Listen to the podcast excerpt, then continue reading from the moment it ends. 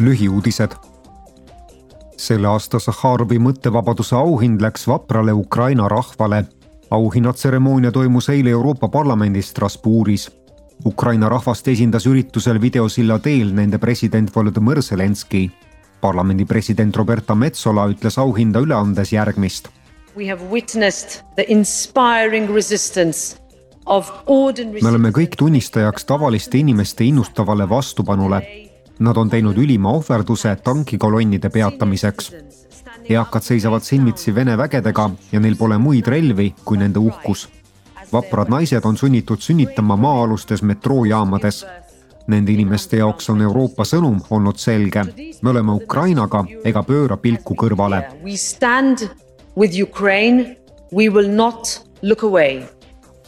Ukraina president Zelenskõi ütles Kiievis järgmist І я вітаю вас від всіх тих, які воюють, які працюють заради України. tervitan teid nende nimel, kes võitlevad, kes töötavad Ukraina nimel, vabaduse nimel. selle nimel, et ei juhtuks midagi, mis on meie kõigi jaoks Euroopas kujuteldamatu. on võimatu ette kujutada meie elu ilma Ukrainata ja ilma vabaduseta. mitte ainult sellepärast, et see oleks lihtsalt vale, vaid ka sellepärast, et igasugune katse võtta Euroopalt Ukraina ja vabadus on alati kuritegu і свободи це завжди злочин. Sahharovi auhind mõttevabaduse eest loodi tuhande üheksasaja kaheksakümne kaheksandal aastal, et autasustada inimõigusi ja põhivabadusi kaitsvaid üksikisikuid ja organisatsioone.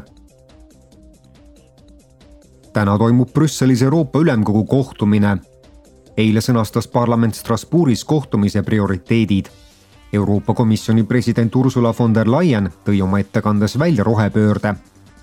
Supporting the clean transition is the right thing to do. rohepöörde toetamine on õige.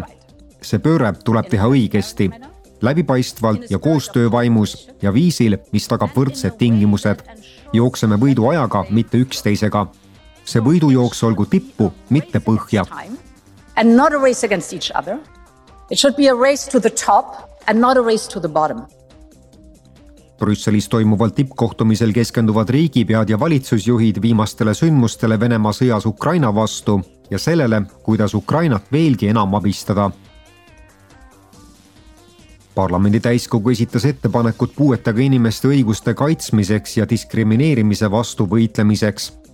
Parlament soovib meetmeid sotsiaalse osaluse suurendamiseks ja uut puuetega inimeste õiguste raamistikku, mis aitaks stereotüüpe kaotada.